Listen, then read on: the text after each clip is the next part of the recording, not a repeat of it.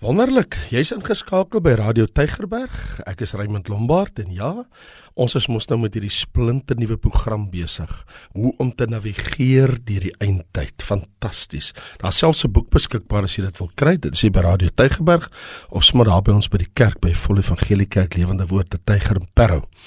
Hoe om te navigeer deur die eindtyd. Of as jy op 'n ander plek is en jy wil hom bestel, gaan met na raymondlombard.com en dit sal daar vir jou op die internet beskikbaar wees. Wanneer 'n mens praat oor die eindtyd, die een groot vraag wat altyd by my opgekom het, is hoekom sal Jesus na die dae van Noag verwys wanneer hy 'n gesprek voer in sy redevoering oor die eindtyd. Dan kyk Matteus 24 is mos Jesus en 25, Matteus 24 en 25 is mos Jesus se redevoering sy relaas of dan ook soos jy die opskrif sal lees, sy profetiese rede. En dit gaan oor die eindtyd profesie. Aan ander woorde, Jesus se profetiese rede het te doen met eindtyd profesie. So my gedagte waar ek nou met jou gaan praat is, waarom praat Jesus oor die dae van Noag? Dis die groot vraag. Want jy sal lees in Matteus 24 So my gedagte met jou is, waarom praat Jesus oor die dae van Noag? Nou as jy in Matteus 24 lees en in Lukas 17. Nou lees ek vir jou, hoor net wat sê Jesus. Hy sê en net soos die dae van Noag was, so sal ook die koms van die seun van die mens wees. Want net soos hulle was in die dae voor die sonvloed, toe hulle geëet en gedrink het, getrou en in die huwelik uitgegee het, tot op die dag dat Noag in die ark gegaan het en dit nie verstaan het voordat die sonvloed gekom en almal weggevoer het. Nou gaan hy verder in Lukas 17. En soos dit gebeur het in die dae van Noag, so sal dit ook wees in die dae van die seun van die mens. Hulle het geëet en gedrink. Hulle het getrou en in die huwelik uitgegee tot op die dag dat Noag in die ark ingegaan het en die sonvloed gekom en almal vernietig het. Nou jy weet, enige een wat ernstig is met God se woord, mense wat die Bybel ernstig opneem en veral mense wat profeseë bestudeer, wanneer hulle kyk na en ek praat nou van al die profeseë oor die eindtyd in die Bybel, dan is dit vir ons vreeslik aangrypend om te sien dat God se profetiese horlosie het as ware reeds begin tik. Want dit is asof die horlosie daagliks al hoe harder tik. Want onthou, wêreldgebeure moet tog gaan na 'n punt toe. Ek bedoel Bybelprofesie wat vir ons in wêreldgebeure uitspeel wys mos vir ons daar's 'n ontmoetingspunt daarvoor. Iets groots is aan die gebeur in ons wêreld. Ek en jy is werklik op die vooraand van die wederkoms van ons Here, Here en Meester Jesus Christus.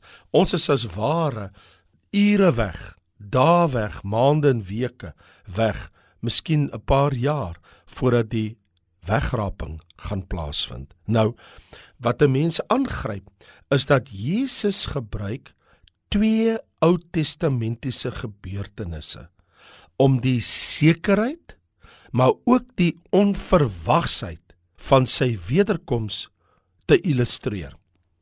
En die een vind ons in Genesis 6 tot 8 want dit is die Noag se dae, die sondvloed. Die ander ene vind ons in Genesis 19. Dit is die tyd van Lot en die verwoesting van Sodom en Gomorra. So daar's twee gebeurtenisse in die Ou Testament wat Jesus as illustrasie gebruik van ja, dit gaan verseker wat ek nou vir julle sê sal gebeur, so seker as wat daar 'n sondvloed was, so seker as wat Sodom en Gomorra verwoes was. Soveel sekerheid kan jy hê. Die feit dat dit gebeur het, net so my koms, my wederkoms sal gebeur. Maar al twee daai gebeurtenisse het ook te doen met 'n onverwagsheid, mense het dit nie verwag nie. Die sonvloed, wie sou ooit glo dat daar kom 'n sonvloed oor die aarde en dat almal wat asemhaal, mense en dier sal alles sterwe. Wie sou dit geglo het? Niemand het Noag geglo nie. En niemand het in die ark geklim saam met Noag behalwe net sy vrou en sy drie seuns met hulle drie vroue, net sy familie. So in beide hierdie gevalle was die mense van die wêreld onvoorbereid. Hulle het aangegaan met hulle alledaagse aktiwiteite. Hulle het geëet en gedrink, getrou en huwelik uitgegee, gekoop en verkoop en hulle het gebou en geplant en hulle het net aangegaan.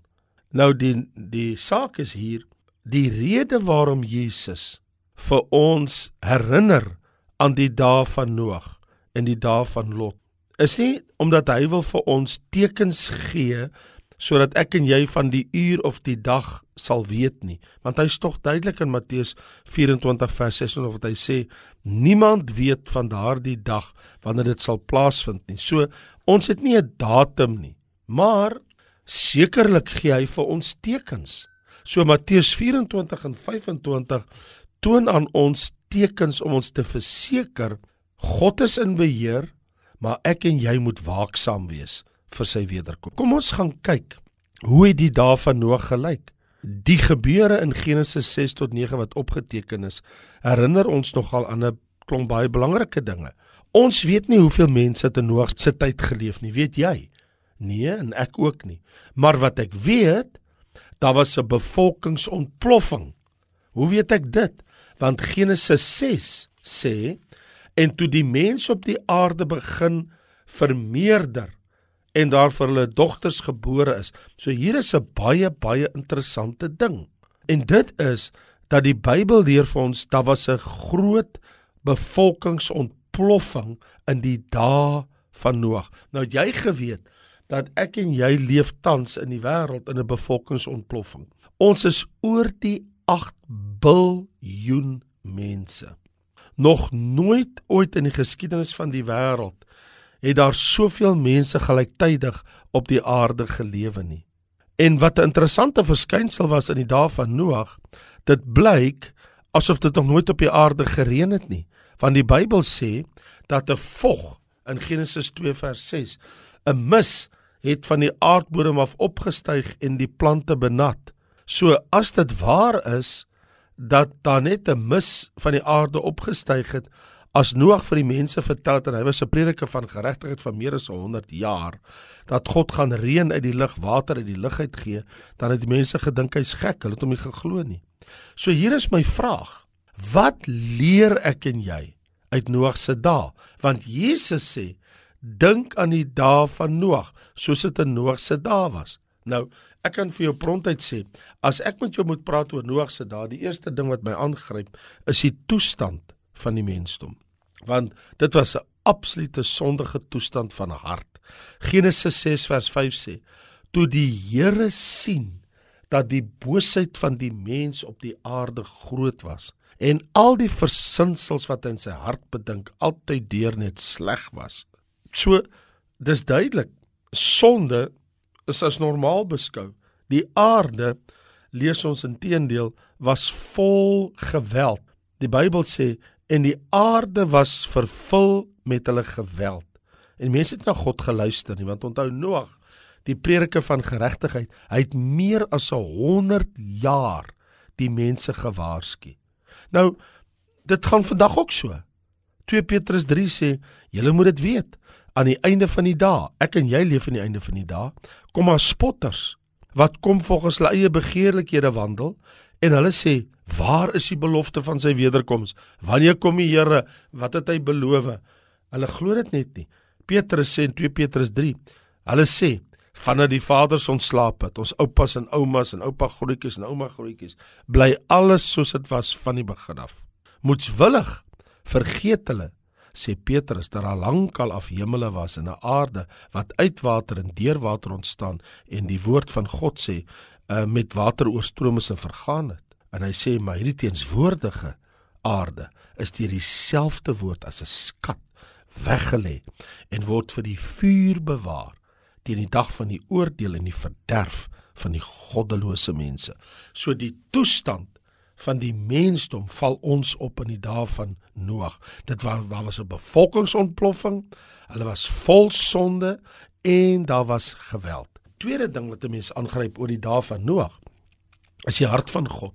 Want die Bybel sê toe die Here sien dat die boosheid van die mens op die aarde groot was en al die versinsels wat in sy hart bedink altyd deur net sleg was, het dit die Here berou dat hy die mens op die aarde gemaak het en daar was smart in sy hart. So wat 'n mens hier aangryp is God se hart het gepyn weens die mense se sondes en die geweld. En 'n mens sou wonder, hoekom het die Here so lank gewag? Wel Petrus sê vir ons dat God hou sy oordeel so lank as moontlik terug. Soos hy sê in 2 Petrus sê, toe die lankmoedigheid van God gewag het in die dae van Noag. Die feit dat die Here toe die besluit gekom het nog meer as 100 jaar gewag het terwyl Noag hulle die ark bou hy en sy seuns. Nou natuurlik, eh, Noag se geloof is krities want daar staan maar Noag het genade gevind in die oë van die Here. Dit is die geskiedenis van Noag. Hy was 'n regverdige, opregte man onder sy tydgenote en Noag het met God gewandel. Wat 'n mooi beskrywing van 'n verhouding wat hy met God gehad het. He walked with God. En Noag het met sy lewe gepreek en getuig. En hy het onverpoos 100 jaar lank het hy bly preek en hy die mense gewaarsku en sy regverdige lewe voor God was die getuienis wat hy gehad het. En hy het, ek bedoel hy het soveel mense probeer het as wat hy kon. Maar al wat gebeur het, Hebreërs 11 sê, deur die geloof het Noag toe hy 'n goddelike waarskuwing ontvang het aangaande wat nog nie gesien was nie, met eerbiedige vrees die ark gereed gemaak tot redding van sy huisgesin.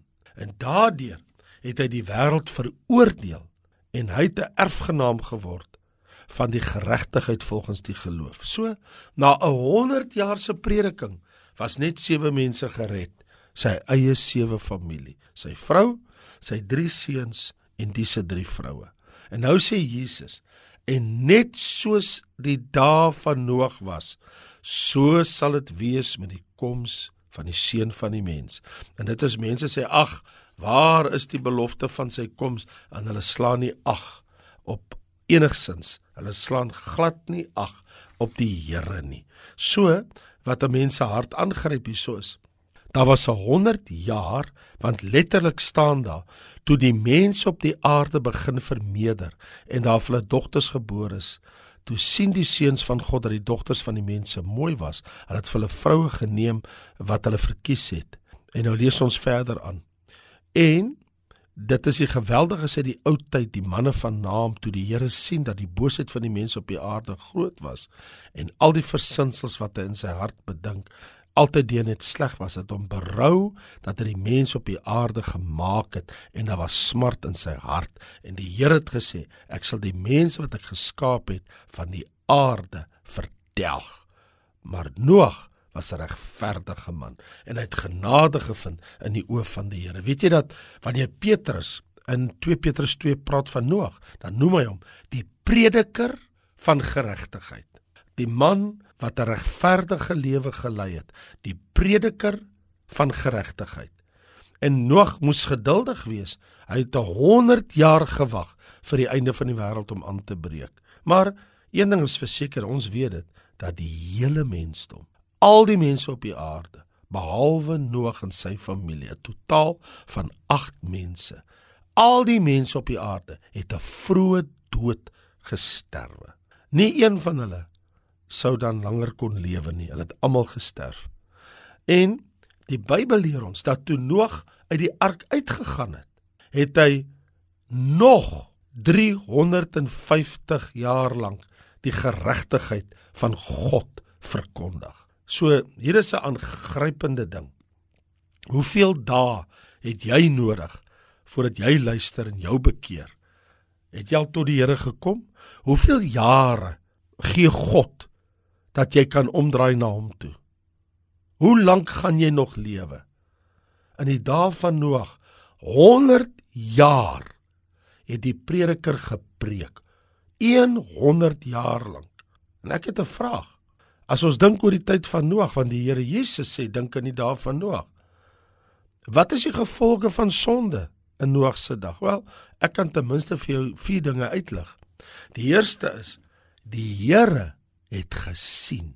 Daar staan in Genesis sê toe die Here sien. Het jy geweet dat later in Genesis staan daar en toe die Here God na die aarde aansien, was dit verdorwe. En Jesus sê net soos in die dae van Noag sal dit wees in die dae van die seun van die mens. Die Here sien wat op die aarde aangaan. Die Here weet wat in jou huis aangaan. Die Here sien wat in die binnekamer aangaan. Die Here sien wat in jou hart aangaan. Die Here sien wat in jou gedagtes aangaan. Die Here sien wat in jou lewe aangaan. Jy kan dit nie wegsteek nie. En net soos die mens in die dae van Noag se lewe korrup was en die wederkoms van Here kom dan nie gereed was nie. Ek sê vir jou, dit gaan so wees in my en jou dag. Daar gaan 'n oomblik kom wanneer die wegraping plaasvind. Mense gaan hulle geliefdes soek as hulle van die werk af kom. Hulle gaan nie huis toe kom nie. Hulle gaan by die huis kom hulle mense is weg. Hulle gaan wag vir die kinders om van die skool af te kom. Hulle gaan nie van die skool af kom nie. Mans gaan vir vrouens wag om huis toe te kom. Vrouens gaan vir mans wag. Hulle gaan nie kom nie. Want skielik gaan hulle weggeneem word. Die Here sien wat op die aarde aangaan. En ek sê vir jou, jy moet ook kyk en sien ons leef in die eindtyd. En daar's 'n ander aspek. Hoe die Here gevoel.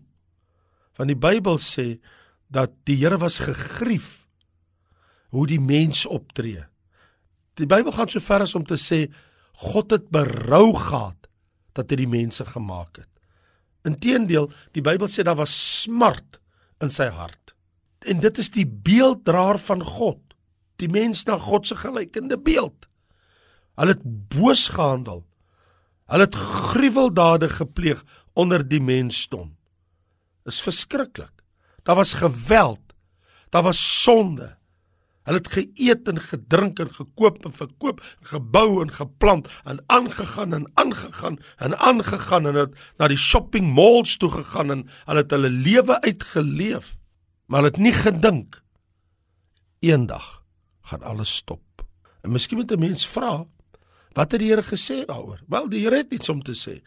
Die Here sê, my gees sal nie vir ewig in die mens heers nie. Die Bybel sê die Here sê, ek sal die mens wat ek geskaap het van die aarde verdelg. Ja, die Bybel sê wat God gesê het. God sê van hy sê van Noag, die einde van alle vlees het gekom volgens my besluit. En die Here sê van Noag, jy en jou huisgesin gaan in die ark. En toe hulle ingaan, toe sluit die Here die deur. Dis wat hy gedoen het. Die Here die deur gesluit. So, dis wat hy gedoen het. Hy het vir Noag 'n plan gegee om 'n ark te bou, 3 verdiepings hoog en ja, en hy het vir hom gesê met 'n opening maak in die ark, daar moet 'n onderste, tweede en 'n derde verdieping wees. En natuurlik, die Here het 'n verbond met hom gesluit. Die Here sê, ek rig 'n verbond met jou op, jy met jou seuns en jou die vroue van jou seuns en jou eie vrou, julle moet almal in die ark gaan as jy dit klaar gebou het. Dan sien ons dat die Here spaar sy lewe. Hy sê ek sal die diere en die voëls aan jou toe stuur wat kruip op die aarde en alles wat lewe op die aarde. Toe kom hulle almal na Noag, toe is almal in die ark in. En toe almal in die ark is, toe sluit die Here die deur. En toe kom die sonvloed, 40 dae lank op die aarde. Die waters het vermeerder en opgeruis bo die aarde en die waters het die oorhand gekry en grootliks vermeerder op die aarde terwyl die ark op die waters drywe. En die waters het heeltemal die oorhand gekry sodat al die hoë berge onder die ganse hemel bedek was. En alles wat die asem van die lewensgees in hulle neusgate gehad het, alles wat op die droë grond geleef het, het dood gegaan. Waters het die oorhand behou oor die aarde 150 dae lank. So God dink aan Noag en wat by hom in die ark is.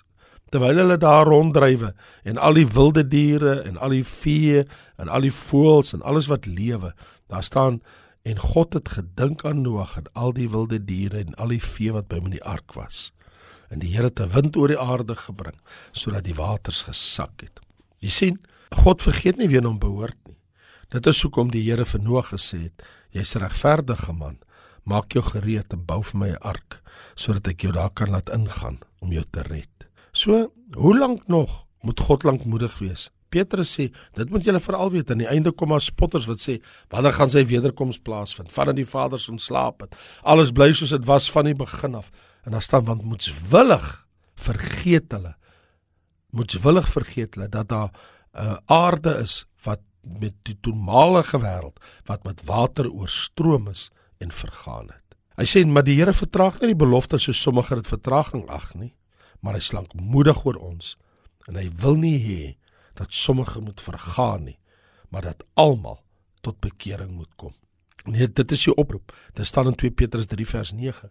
Die feit dat die Here nog nie gekom het nie, beteken mense word gered. So ja, in my boek hoe om te navigeer deur die eindtyd, ontdek jy hierdie wat ek vir jou vertel en vele meer wat in die boek is wat vir jou leer om te gaan kyk na die Bybelprofeseë, praktiese dinge wat ek vir jou daar uitlig sodat ek en jy ons harte kan voorberei op die koms van die Here. Want dis wat ek graag met jou wil doen in hierdie program met die res van hierdie jaar, soveel as wat ek kan, wat ek geleentheid het met jou te praat oor die profesie en dat ek en jy kan sien wat gaan in die wêreld aan. So dis wonderlik dat ons God se woord tot ons beskikking het. Mag die koning jou seën, mag jy 'n wonderlike aand verder hê en mag die woord van die Here jou hart bewaar en onthou Jesus praat oor die dae van Noag en hy sê dat so sal dit wees aan die eindtyd. Wel wat ek en jy kan doen is wat staan in Lukas. Lukas sê waak en bid sodat jy gereed kan wees om al die dinge wat kom te ontvlug en voor die seën van die mens te staan.